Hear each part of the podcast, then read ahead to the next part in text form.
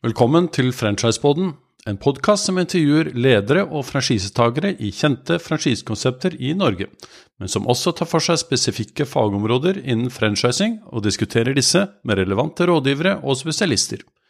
Mitt navn er Sven Hars, jeg er rådgiver i Franchisearkitekt og ansvarlig for dette programmet. Franchisearkitekt er Norges ledende tjenesteleverandør innen bygging og utvikling av franchisekonsepter i Norge.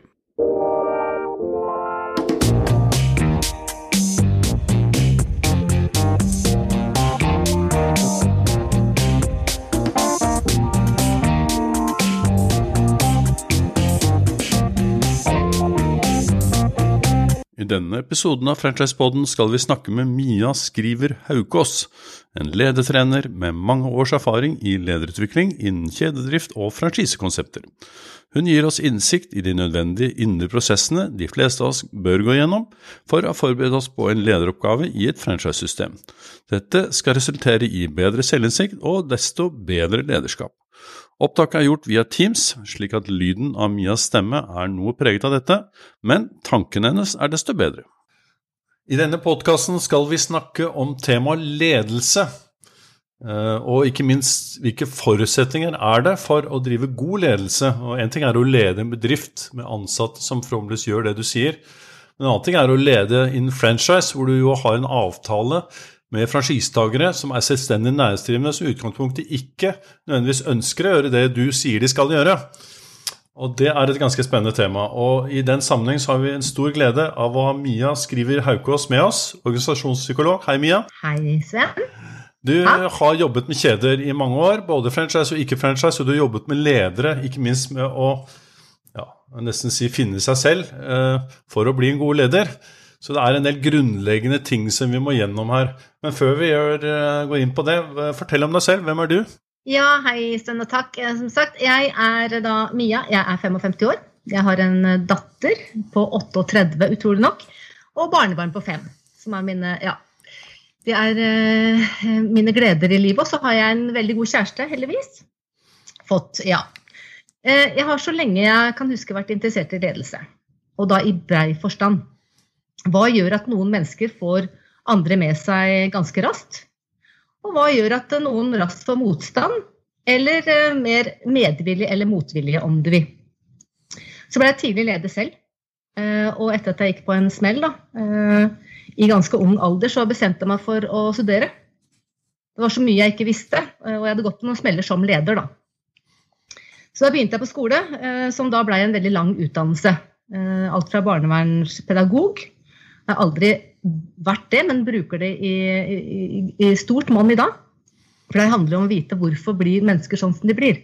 Hva har de fått, hva har de ikke fått, osv. Og, og her kommer også ledelse inn, da. Og så avslutter jeg med eh, arbeidslivs- og organisasjonspsykologi. Jeg startet for meg sjøl i 2001 som konsulent. da, eh, Og foreleser i organisasjon og ledelse. Og i 2003 traff jeg da min nå eh, avdøde mann, som jeg da i elleve år eh, utvikla Tipping Point Methodology sammen med. Som da er et verktøy eh, for, eh, for, ledelse. Eh, men det er en rekke verktøy også. Det er jo å kunne lede organisasjoner og team. Men også kunne lede familier, og ikke minst deg selv. Og det handler også om det å finne oppgaver der du har dine gaver. Det er liksom mottoet, da. Så spennende, da. Og eh, det vil si at hvis man hvis jeg tenker på en, en, en god leder, eh, det er nå én ting.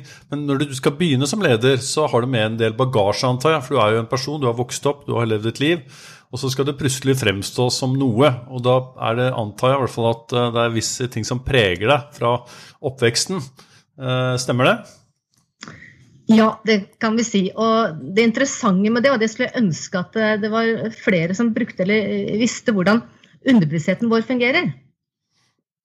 For det viser seg jo at eh, underbevisstheten vår den styrer mellom, ja, mellom 95 til 98% av vår atferd, våre følelser og tanker. Og det som da ligger i underbevisstheten, nemlig våre erfaringer, alt vi har hørt, smakt, lukta, sett, og all informasjon vi noen ganger har fått, og alle programmene våre ligger der. Altså programmet, det vi gjør automatisk.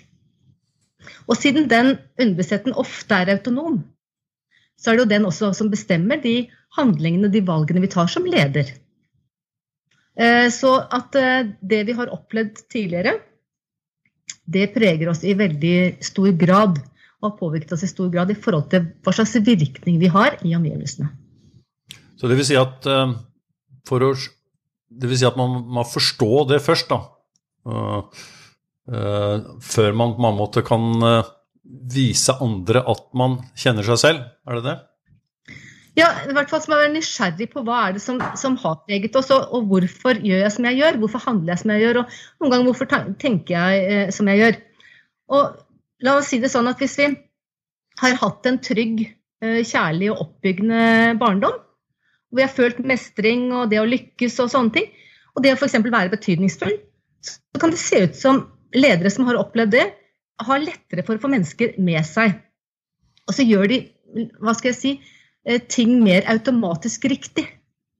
Mens vi andre, eh, som da har opplevd andre ting eh, Det er ikke dermed sagt at det er på noen som helst måte for seint, men det går ikke like automatisk. Vi må jobbe mer for å på en måte å være mer kanskje spørrende i forhold til hvilken virkning vi har der ute.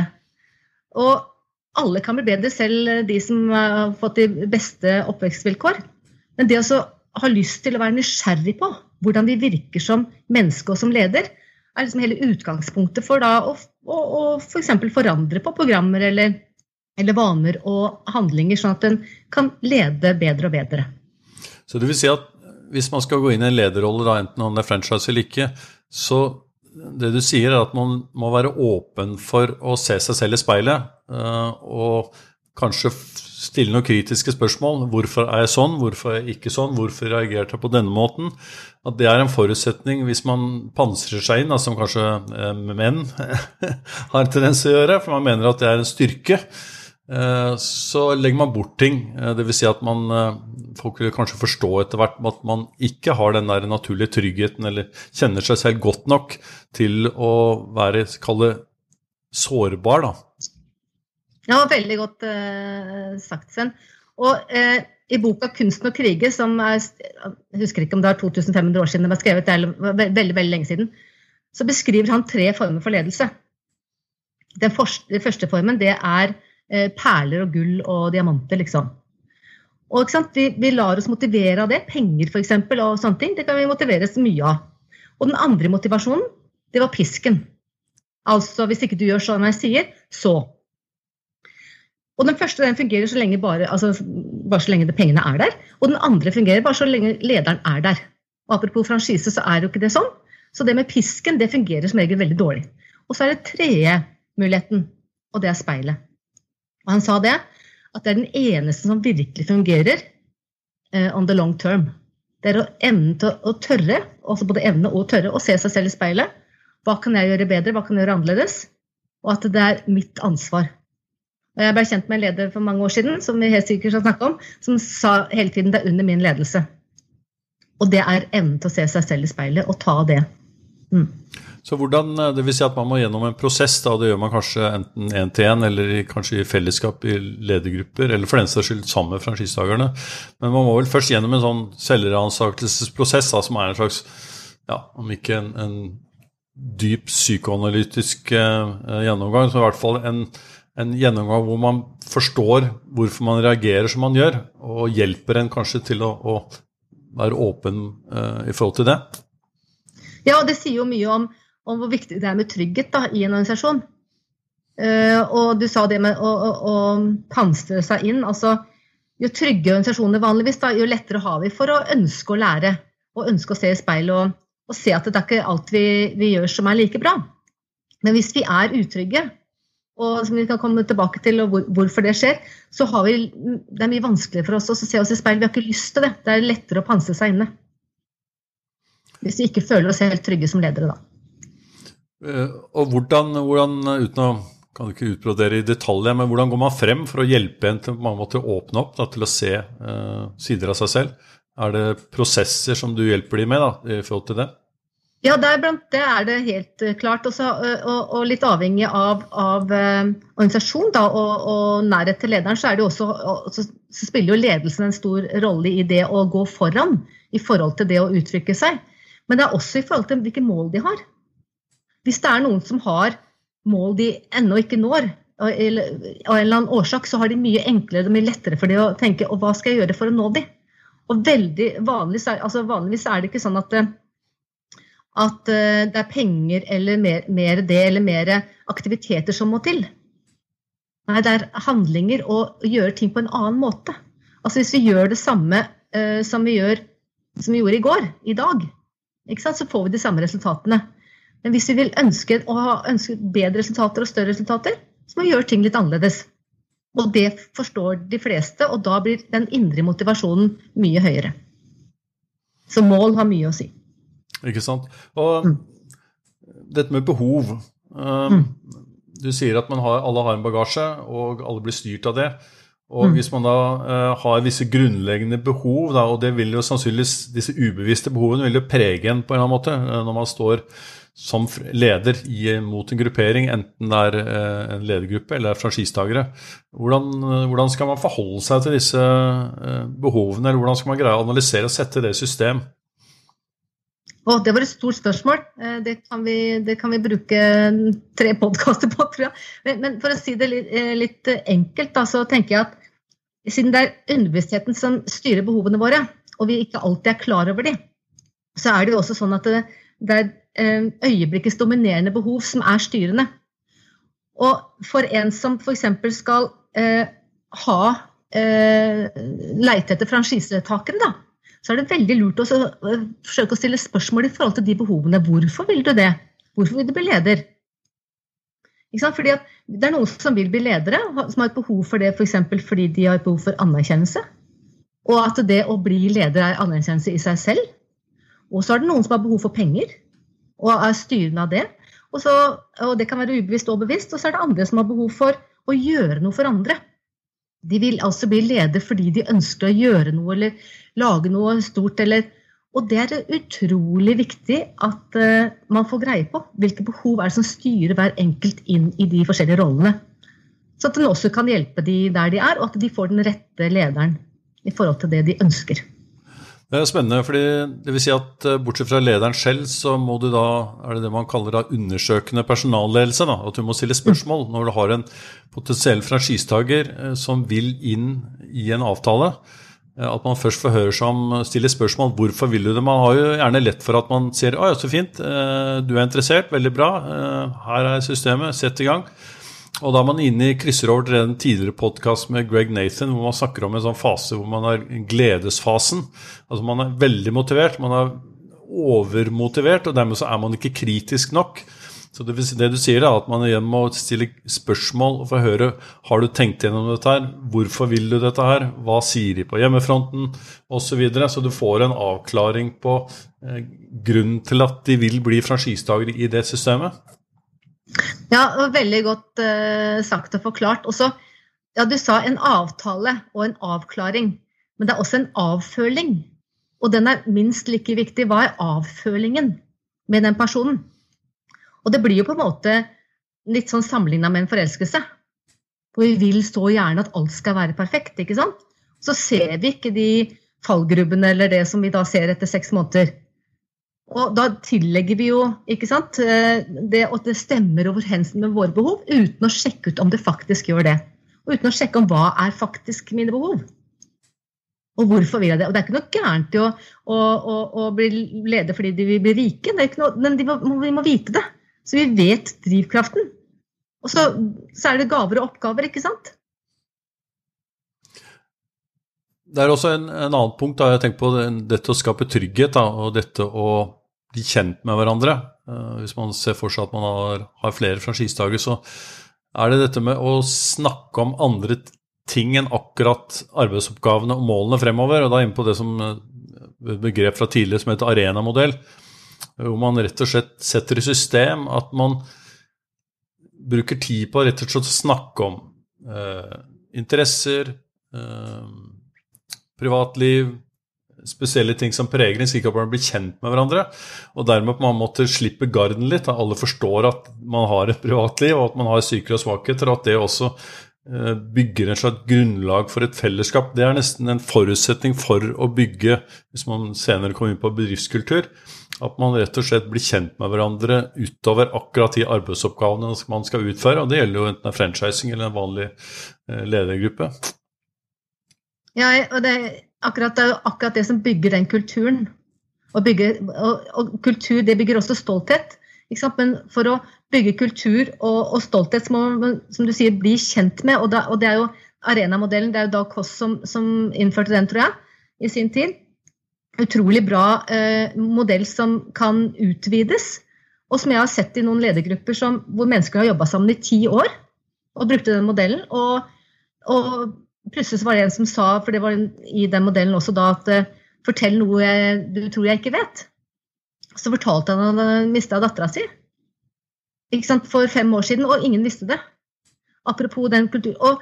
Du vet, eh, det å jobbe sammen i et team og sånne ting altså det, det, er jo ganske eh, si, Det kan være hårreisende for en annen, men for den vedkommende så, var, så tilhørte ikke det arbeidsplassen.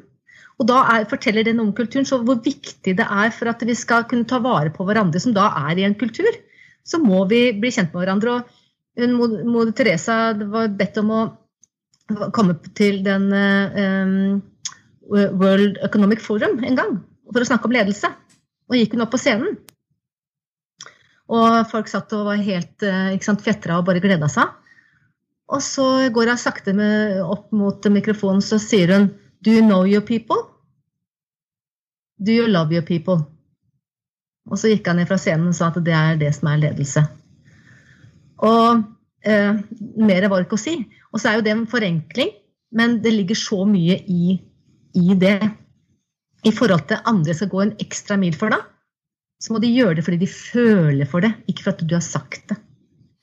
Så, eh, og Hvis man tenker seg en sånn prosess da med arenamodell, eh, hvor man da snakker om temaer som ikke er jobbrelatert, så er det noe som må gjentas. ikke sant? Man må gjøre dette eh, la oss si fast en gang i uken. Og stadig vil det komme nye temaer opp hvor man føler at man blir kjent med folk. Og det skaper en trygghet, og det skaper at man alle, uansett om man er ekstrovert eller introvert, eller hva det nå er, så føler man at man kan si det man mener, og for alle har sine ting, kall det det, og måter å være på. Og det skaper en forutsetning for en trygghet. Og hvis lederen da i tillegg i hvert fall har gjennom noen prosesser hvor man er trygg nok til å være sårbar, og ikke nødvendigvis må overstyre alle for å føle å få gjennom sine meninger, så har man dannet en slags grunnlag da, for det som kanskje senere kan bli en bedriftskultur. Og det gjelder vel franchisetakere på samme måte. Man har de samme prosessene med dem, slik at man blir kjent med hverandre. For dette er jo mennesker fra all verdens eh, bakgrunner, med, med all verdens meninger, så man må først finne felles trygghet sammen med før man begynner å snakke business. Ja, Helt klart. Og, og for at uh, den kulturen skal hva skal jeg si, renne bortover, nedover, uh, så, så, eller smitte, så må jo lederne, altså de som er, de må jo da leve den kulturen. Og det er hele poenget. Og det har jeg sett noen som virkelig har fått til, og jeg har sett noen som ikke har fått det til. Og når du har en franchise, så, jo, så, så vet jo ikke eh, kundene forskjellen på hvem som eier eller ikke eier. Det, har, det er et navn. Og det er ikke sant, sånn at det, Kulturen den, den, den, eh, den, kan jo bli ødelagt veldig fort. Eller det vil si butikken kan bli ødelagt veldig fort hvis at eh, det er noen som har en ukultur eller som ikke uh, har den kulturen som, som man egentlig skal stå for. Men det er rollemodeller. Og det også og hele tiden tenke at ja, det er under min ledelse uansett om det er en leder på selve, selve butikken. Så handler det også om at det er mitt ansvar. Og, og, og, det er noe med alt fra altså, Hundeoppdragelse det handler jo om rett og slett at man skal unngå og at, at hundene gjør feil. Og Det samme er med, med, mennesker. Vi må gjøre alt vi kan for at de skal unngå å gjøre de feilene som gjør at en, en ikke kan reise seg igjen. Eller at, ikke sant? Og hvis en gjør feil, så er det helt i orden, det, det, men bare ikke flere ganger. Så hele poenget må bli at det, det må være et trygt miljø som gjør at vi kan prøve å feile. Er veldig spennende den setningen 'under min ledelse'. Så hvis en mm. leder, uansett om det er da en konsernleder eller om det er en franchisetaker for den saks skyld i sin organisasjon, så sier under min ledelse så skjedde det og det, og det tar jeg mm. ansvar for. Det er ikke så mange ledere som gjør det, i hvert fall uh, ikke det man hører sånn uh, her og der. Så det, er, det, det, viser jo bare at man da i så fall har forstått det å at man tar ansvar og samtidig skaper trygghet i organisasjonen, slik at man vet at man alle kan gjøre feil, så lenge man ikke gjør det mange ganger etter hverandre. Eh, og at det er et fellesskap hvor man i fellesskap skal skape resultater. Og det er kanskje forskjell på det å Jeg tenker på nå er vi inne på sånn type bedriftskultur. Det er mange som eh, skal skape et vinnerlag, og så setter man opp fire punkter på veggen på, før julebordet. Og så eh, sier man 'yes, dette er målene, nå kjører vi i vei'. Og så er det ingen som har tatt runden rundt trygghet. Hvem er vi? Hvorfor er vi det? Hva skal vi gjøre, hva skal vi ikke gjøre? Eh, de bare har disse fire punktene som man skal løpe mot, hadde jeg sagt. Eh, så det er litt sånn, eh, det er lettvint veien. Det er vel ikke veien til bedriftskultur, antar jeg? Eller god bedriftskultur? Nei, altså det kan det virke mot sin hensikt. Hvis man lever de verdiene sine. Det handler jo om å, å, å faktisk kunne måle og leve verdier. Ikke sant? Fordi at Hvis man lever en verdi som sier åpen og ærlig, f.eks., eller at uh, hos oss er det høyt under taket, eller altså en eller annen verdi, så, så må det oppleves. Og det å da måle ut hvordan, hvordan, hvordan, skal du oppleve det? Ikke sant? Og, og, og, da må man etterspørre det. Og ledere som etterspørrer det, det uh, syns, Er det noe du syns at jeg ikke har etterlevd den, de siste, den siste måneden? Er det noe du syns jeg burde gjort bedre i forhold til verdiene våre? Og der har vi den tredje igjen til han uh, med kunsten og krige. ikke sant? At ja, evnen til å se seg selv i speilet og tørre å gjøre det. For vi gjør jo feil alle mann. Ikke sant? Og det, og det, er helt, og det, og det å innrømme det og si at ja, du, vet du hva, det, takk for det. Takk for at du sa fra. Det skal jeg tenke over. Gjør jo at vi, vi har lett for da, lettere å gå tilbake igjen til vår butikk og gjøre det samme med våre. Så det vil si at da må man tørre å be om tilbakemelding, da. Eh, vi glemmer jo ofte å, å gi tilbakemelding. Man sier ja, dette var bra, ikke sant, og så går man videre til neste møte. Eh, men det er også man be om hva skal man kalle det, konstruktiv feedback. Eh, slik at man nettopp det viser at man er åpen for å lære. Åpen, er sår, åpen for å gjøre seg selv sårbar. At man ja. kanskje gjorde noe i det møtet som kanskje ikke var helt optimalt, enten man overkjørte noen, eller man ikke lyttet, eller uh, sånne ting. Og da, Det er jo det som skaper trygghet, er det ikke det? At man viser at man, uh, man er sårbar og ønsker å lære. Det er helt klart. Uh, og, og, den, og de spørsmåla må helst da være så tydelige som mulig. Sånn f.eks. at nå, nå, nå, ser jeg at du reagerte, eller jeg opplevde at du reagerte nå. Var det noe jeg sa? Istedenfor å komme med sånn generelt spørsmål er det noe jeg kunne gjort bedre, gutter på, eller jenter. Sånn at da, De fleste har ikke så lyst til å si noe da, men hvis du får en, en hva skal jeg si, en, en, et spørsmål som da handler om deg, så er det lettere for å si ja, du vet hva, jeg, jeg lurte på om Sa du det for at uh, jeg hadde gjort noe gærent, eller sa du det fordi Og så kan man uh, gi liksom, uh, tilbakemeldinger og si at nei, du, det var ikke meninga. Og på den måten også løses mange misforståelser, for vi lager våre sannheter, ikke sant? Vi ser reaksjoner rundt omkring, og så tolker vi de sånn som vi tolker de i forhold til vår underbevissthet. Og så blir det en sannhet. Nei, han likte meg ikke, han likte ikke det jeg sa, eller han uten å sjekke det ut. Vi, det, det, er også en måte å bygge kultur på som ikke er så trygg. Og I disse dager så snakkes det mye om psykologisk trygghet. Og det bruker jeg på skolen min også. Eh, har en egen eh, skole i forhold til eh, coaching og, og, og lederskap. Hvor psykologisk trygghet står veldig høyt. Det er noe av de første vi begynner med. er Hvordan vi skaper den, vår egen psykologisk trygghet, for så å skape det utover. Og i disse koronatider også hvor vi ikke får den samme hva skal jeg si, tilgangen til hverandre. Så jeg ser jo de lederne som, som faktisk har gjort det over tid, da, skape den psykologiske tryggheten, de er mer rusta i dag enn andre ledere. Så hvis man, Spennende. Hvis man da går tilbake Først har vi arenamodellen, dvs. Si hvor man snakker om temaer. Man åpner seg selv, man skaper trygghet i et miljø. Man merker at her kan jeg faktisk si det jeg mener. Og så er neste trinn, hvis man ser for seg denne tilbakemeldingen, denne, denne konstruktive tilbakemeldingen. Det kunne man da gjort under hvert møte. da, Hvis man eh, har la oss si, ledergruppemøter en gang i uken, eller med møte med franchisetakerne, så kan du bli enig om at de siste fem, ti, fem eller ti minuttene ett på slutten av møtet, så tar man en sånn konstruktiv feedback eh, dialog for hvor man ikke bare skal si jo da, dette var et bra møte, men man går inn og sier du, jeg syns at du gjorde det og det, jeg syns du burde gjort mer eller mindre av det ene og det andre. da over tid så vil man da det du sier, skape en slags forløper til bedriftskultur, trygghet, motivasjon, fordi man forstår at vi drar i samme retning? Ja, det er helt riktig. Og, og til det også så er det Man kan også melde inn når man har, altså med en gang man kommer inn. fordi Hvis man akkurat har krangla med kona, eller et, altså et, noe har skjedd da, som gjør at man har farga det når man setter seg, så har man kanskje et annet kroppsspråk, en annen måte å se de tingene på. så eh, når, når, en ledergruppe er trygg, og det har jeg sett eh, når jeg har jobba med, med, ledergrupper i mange år, da, så har jeg sett hvordan den tryggheten bare blir mer og mer manifestert.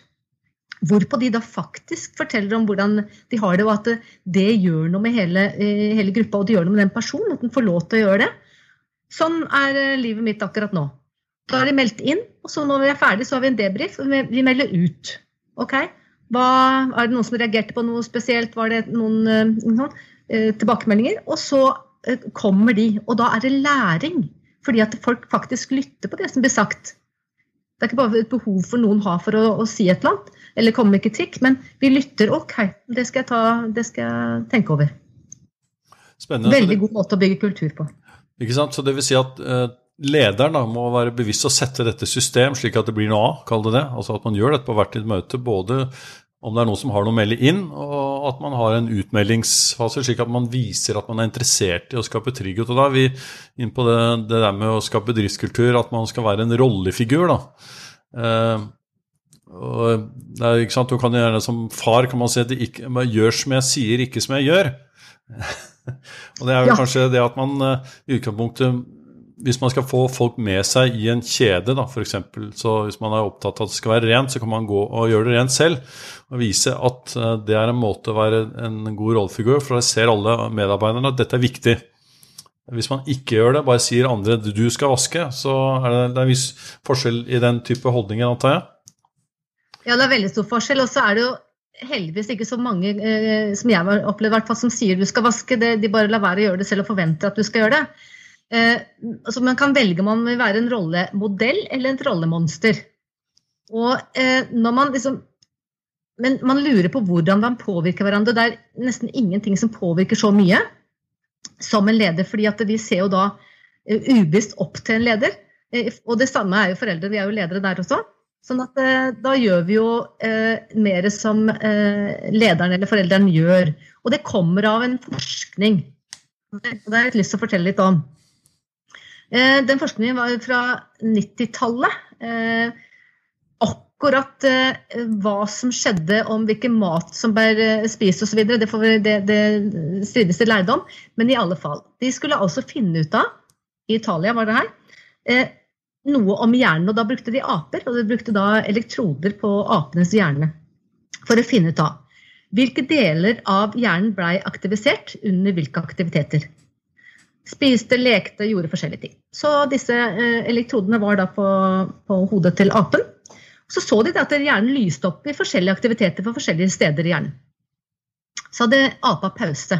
Det vil si, han satt bare der. Så var det en forsker som kom inn i rommet til apen og gikk bort til bordet Eh, der det var noen eh, nøtter. Og da tok forskeren de nøttene, for de var sulten. Og så så de da på andre siden ved monitoren der at på, For apa hadde fremdeles på seg elektrodene. At hjernen til apa lyste opp som om den spiste selv. Og de tenkte det må være noe feil. Og Det er jo det som er artig med forskning, for veldig mye forskning kommer jo ut av sånne helt liksom tilfeldigheter. Og så gjorde denne forskningen om igjen og om igjen, om igjen, og det holder fremdeles på i dag. Der de finner ut og har funnet ut av at når vi ser noe vi forstår, så vil vår hjerne altså aktiviseres på samme måte som den personen som gjør det. Det er jo en annen form for speiling. så Vi har eh, millioner av nevroner i, i hjernen vår. Og så er det en del millioner av de nevronene som da kalles for speilnevroner. og Det er de som settes i gang når vi ser noe vi forstår som den andre gjør. Et eksempel. Hvis vi er ute og spiser med en vi er glad i, og vi har vin til maten osv., og, så og så sitter vi med kniv og gaffel og holder på å skal få maten inn, og så hever den andre glasset. Da er det helt automatisk. Det er ikke sant vi tenker over hva vi skal gjøre nå. Nei, vi hever også glasset. Vi legger ned bestikket, hever glasset. Det er de samme speilnevronene. Eller når noen gjesper, så gjesper vi. Eller hvis vi ser en stor edderkopp på en annens arm, så blir, så blir, vi sånn. Det er akkurat de samme speilnevronene. Og så viser det seg det at eh, det mennesket med sterkest energi påvirker andre speilnevroner. Det kan, si, det kan være humør, og det kan være andre ting. Eller om det har en lederrolle. Så enten sterkest energi i, i humørskalaen eller lederrolle, for det ligger ubevisst. Sånn at eh, ledere har mye større rollemodellfunksjon enn de vi er klar over. Og Derfor så blir det så viktig det er med speilet. At vi liksom gjør det vi sier, og går foran. Og det er noen ledere som jeg har vært konsulent for, som har lært meg ting som jeg gjør at jeg f.eks. Bare et eksempel, jeg, eh, Hvis jeg går på et offentlig toalett i dag, så må jeg rydde opp eh, selv om det ligger noe papir som ikke jeg har gjort. Men den lederen da gjorde alltid det, så jeg, jeg, jeg får en sånn urge til å gjøre det. Han var ikke min leder engang. Så det er noen ledere da som har ganske stor gjennomslagskraft når det gjelder akkurat de tingene. Eh, og de husker vi. Og da forandrer vi handlinger i henhold til det.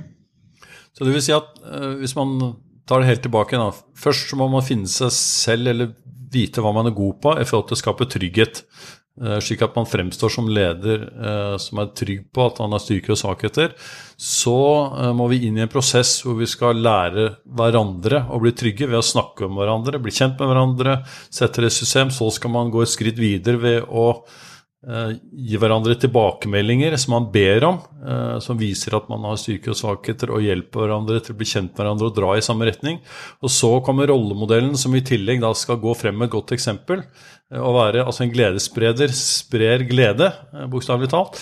Og at man går frem med et godt eksempel hvis man vil at man skal, om ikke nødvendigvis jobbe lenge på ettermiddagen, så i hvert fall gå og gjøre ting som man vil at fellesskapet skal gjøre, så må man gjøre det selv først. Og da man, danner man et grunnlag for en bedriftskultur. Da. Og da er um, inn på et sånt tema som kanskje er litt spennende, det er de begrepene som brukes. Da, dette med selvfølelse versus selvtillit. Um, man har jo har med en sånn Historisk sett så sitter kanskje mange og tenker på at en person som strekker seg over bordet og er selvsikker og sier at 'sånn gjør vi det her, gutter', det vil ikke nødvendigvis si at man har en god selvfølelse, at man er trygg på seg selv. Det fremstår kanskje sånn, men det er kanskje ikke det. Hvordan er skillet mellom de to begrepene? Ja, det var veldig fint at du, tok det. var bra timing. Um, når vi snakker om psykologisk trygghet, så har det mye med selvfølelse å gjøre, og ikke, og ikke like mye med selvsikkerhet å gjøre. Selv om det å være selvsikker eller det å være, ha selvtillit er også fint. Men det er mer situasjonsbetinga. Så du kan ha selvtillit på å lage mat eller matematikk eller sånne type ting.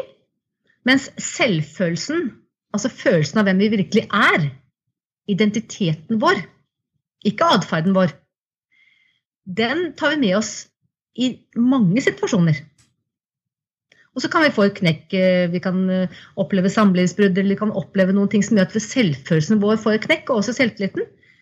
Men hvis den er grunnleggende, så bygger vi den raskere opp igjen.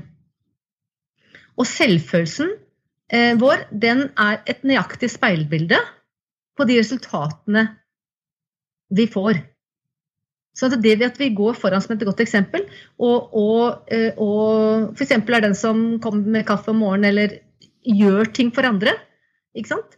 Eh, og er opptatt av resultater, samtidig som man er hyggelig og fin, ikke sant? Da viser man at selvfølelsen er, Da får vi de resultatene. Jo høyere selvfølelse, ofte, jo høyere resultat. Og jo mer selvsikkerhet, og det kan til og med noen ganger bli litt sånn arroganse, så er min påstand jo lavere selvfølelse. For mennesker som har høy selvfølelse, de behøver ikke å snakke om seg selv. De behøver ikke å ta plass. De kan gjøre det, men de behøver ikke gjøre det. Eh, mens mennesker da som har eh, er kanskje høy på selvtillit eller selvsikkerhet, men lav på selvfølelse, har da lettere for å ta plass og snakke om seg selv og hvor dyktige de er. Men igjen, det har ikke noe med menneskesyn å gjøre eller, eller, at de er noe dårligere mennesker. Det handler om at de er styrt av noen behov. Dvs. Si det er noen, behov, noen ting som er mangeltilstander. De mangler selvfølelse og mangler trygghet. Men de er ikke noe dårlige mennesker for det. Det kan alltids rettes opp i eh, med å bygge opp selvfølelsen og tryggheten, da. Så det, det, henger jo sammen med det vi snakket med i starten, dette her da, at man må være, for å få en god selvfølelse, som er en del ting man må være, bli klar over på egen hånd, uh, slik at ja. man kan fremstå som trygg. da. Man vil alle komme opp i settinger og situasjoner hvor man blir uh, usikker, det har skjedd noe. Og da ta den samtalen der og da. 'Dette forsto jeg, dette forsto jeg ikke. Derfor gjorde jeg det sånn og sånn.' Det skaper en trygghet hos andre fordi man ser at man er villig til å reflektere over det, istedenfor bare feie det bort som nei, dette var et problem som andre gjorde. Dette er ikke min feil. Eh, litt sånn selvsikker, skråsikker, kall det avfeiing. Ja. Så den der balansen her sånn, den, den kommer jo ikke Den krever en selvinnsikt, da, at man jobber med seg selv for å kunne håndtere en, en sånn situasjon på en god måte overfor andre. Ja, og så krever det vi snakka om i stad, en nysgjerrighet på hvilken virkning vi har i omgivelsene. Hvilken effekt vi har hvis vi ønsker den en veldig god effekt. Og, og så tenker jeg at selvfølelse er ikke, det er ikke noe du liksom har da, hvis du har bygd, hvis du har bygd den opp, da, sånn som f.eks. jeg har holdt på med over lang tid. Eh, jeg holder fremdeles på med det, fordi at jeg, jeg har et mål, og, og, den ligger litt høyere enn det jeg er i dag. Og da må jeg jo jobbe med selvfølelsen min, si det som er en trappe, trapp da, og et trappetrinn. Så går jeg litt bortover den ene eh, trappetrinnet, og så tenker jeg nå vil jeg, nå vil jeg opp på neste. Og da må jeg faktisk jobbe mer med selvfølelsen min. Det kan være lære meg et nytt språk, det kan være andre ting. Det kan både være selv, selvtillit og selvfølelse. Men, men, det å tenke at nei, nå, nå, trenger jeg ikke det mer. For nå har jeg Det tror jeg ikke helt er riktig.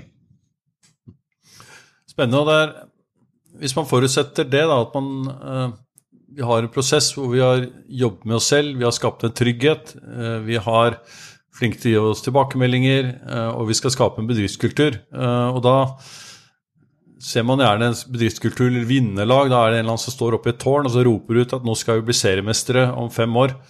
Eh, men dette dreier seg Én ting er å fortelle historien, hvor man skal. En annen ting er jo da kanskje heller at man må innta et mer sånn lyttende holdning. da kanskje, Altså en god kommunikasjon.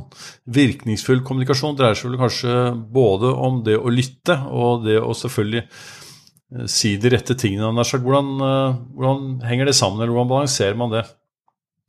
Hmm. Også en par timers eh, podkast. eller foredrag. Altså, kommunikasjon det er jo alt. Eh, og kommunikasjon er jo aldri det som blir formidla, men alltid det som blir oppfatta. Og så må jo ledelsen, eh, om det er styreleder eller ledelse, altså, de må jo sette måla. Og, og, de setter også stor, altså franchise og andre, så de setter jo også en stor del av strategien. Eh, så, men samtidig å få de med på reisen mot det målet. Ikke sant? Så det, det, handler om hvordan du kommuniserer denne historien. Hvordan du kommuniserer og får andre med deg, og hvordan du gjør andre betydningsfulle i det. Eh, jeg har en god venninne og en, en samarbeidspartner som heter Liv Arnesen. Hun, eh, hun, driver med ekstremsport for meg, da, men altså og, og, og, og, Sydpolen og alt det der. Men hun har også gått, uh, gått på Mount Everest. Og der var de et team. ikke sant? Alle skulle jo opp. Det var målet. Det var bare det at eh, alle kom jo ikke opp. Noen kom til Basecamp 1, og noen kom til Basecamp 3. Og det var helt greit. Og det at alle følte allikevel at de hadde vært med den ekspedisjonen, og det er det som er, som er viktig i ledelse. ikke sant? Fortelle de historiene. Det å få andre til å føle at de er med uansett hva, hva, hvor, de vil, hvor de vil hen. Noen vil tjene 100 millioner, noen vil tjene 10. Men, men, hvis de passer inn i konseptet, så er det rom for det. For det handler om sant, det, også, og, og det narrativet, det å gjøre eh, eh, historien og, og, bygge stolthet, det er utrolig viktig kommunikasjon. Og noen har det bare helt eh, instinktivt. De er utrolig gode på å kommunisere. Mens andre igjen da, trenger flere verktøy og trenger tryggheten for å kommunisere med flyt og, og, trenger å tro på det selv. fordi det er også kommet med selvfølelse og, og, hva som ligger av erfaringer i underbevisstheten. Kan jeg mestre ting? osv. Så sånn at det påvirker også kommunikasjonen vår. Det vi tror på. Tror vi ikke på det selv, så da når ikke det igjennom. Men det kunne vi som sagt snakka om, eh, det er jo en av kjerneområdene mine. Det er eh, hvordan kommunisere virkningsfullt. Ja, og det tror jeg er veldig vanskelig. Og eh, ikke minst uh, i en franchise-setting hvor det er igjen har mange selvstendig næringsdrivende som driver sin egen butikk, og som i utgangspunktet er opptatt av sine ting. Og Så dreier det seg om å finne disse felles båndene og felles målet, og kommunisere på en måte som både inkluderer, fordi de er selvstendig næringsdrivende som skal bindes opp til konseptet, og samtidig så skal man jo sette mål og sørge for at alle er lønnsomme. Så da kan det vel være en idé i franchising, sånn som jeg kjenner det, i hvert fall, at man inkluderer eh, franchisetakere i enten arbeidsgrupper eller både å sette opp mål eller utvikle produkter eller tjenester, hva det nå skal være.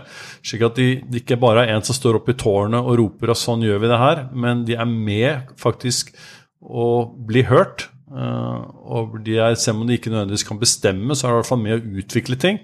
slik at det er de som formidler overfor sine kolleger at dette har vi tro på, det er i den retningen vi skal gå med produktet eller tjenesten, eller hva det nå skal være. Er det, det, er kanskje en sånn franchise-konsekvens av uh, dette med, med ja, inkludering og samarbeid. Ja, det var veldig godt uh, oversatt uh, etter alt har snakka om nå. Og så litt til det som du og Tone Langbakk snakka om også, det er 'what's in it for me'. Fordi at når vi har det, det, det ligger jo ubevisst på sinnet for meg. Og det er mange former for eierskap. Sånn at Eierskapet i forhold til en franchise det har, det har gitt i avtaler, men det er også eierskap i forhold til følelser. Og når det du beskrev nå, da får vi mer eierskap i forhold til følelser. Og jeg mener jo at en avfølelse er viktigere enn avtale. For avtale kommer av avtale. Eh, det kan vi kan si veldig mye rart, eh, det kan vi gjøre, kommunisere, men avfølelse kommer av hvilke følelser vi legger inn i de tingene.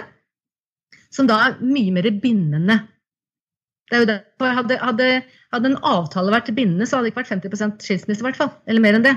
Så poenget er liksom at når vi avføler, så er det kanskje mer bindende. Og hvis man gjør det da hvert femte år, ref gifte par, avføler hvor er vi står vi nå, velger vi hverandre på nytt, det kan jo kanskje noen franchiseforbindelser eh, eh, gjøre på, på, samme måte, eller relasjoner gjøre på samme måte.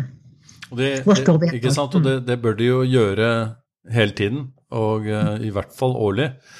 Og dette viser jo egentlig bare at uh, franchise-ledelse det betyr inkludering, og det betyr at man lytter til hverandre, og at man har en felles plattform, og alt dette krever forberedelser. At ikke minst franchisegiveren og eventuelt lederen setter og investerer tid og ressurser hos både seg selv og sin ledergruppe i å uh, ha en hva skal man kalle det, modent lederskap, verdiorientert, verdiorientert lederskap, som gjør at uh, franchisetakerne føler trygghet og føler at de blir hørt at de kan jo nødvendigvis ikke alltid bestemme, men de blir hørt. Og man, i fellesskap så, så, danner man et mål som man går mot, slik at alle kan i en kjede forstå fellesskapet. Eh, det er vel det som kanskje er det viktigste jobben i en sånn gråsone, som man kan kalle franchisestrategi, som man ikke står skrevet noen steder, men som vi prøver å snakke om her.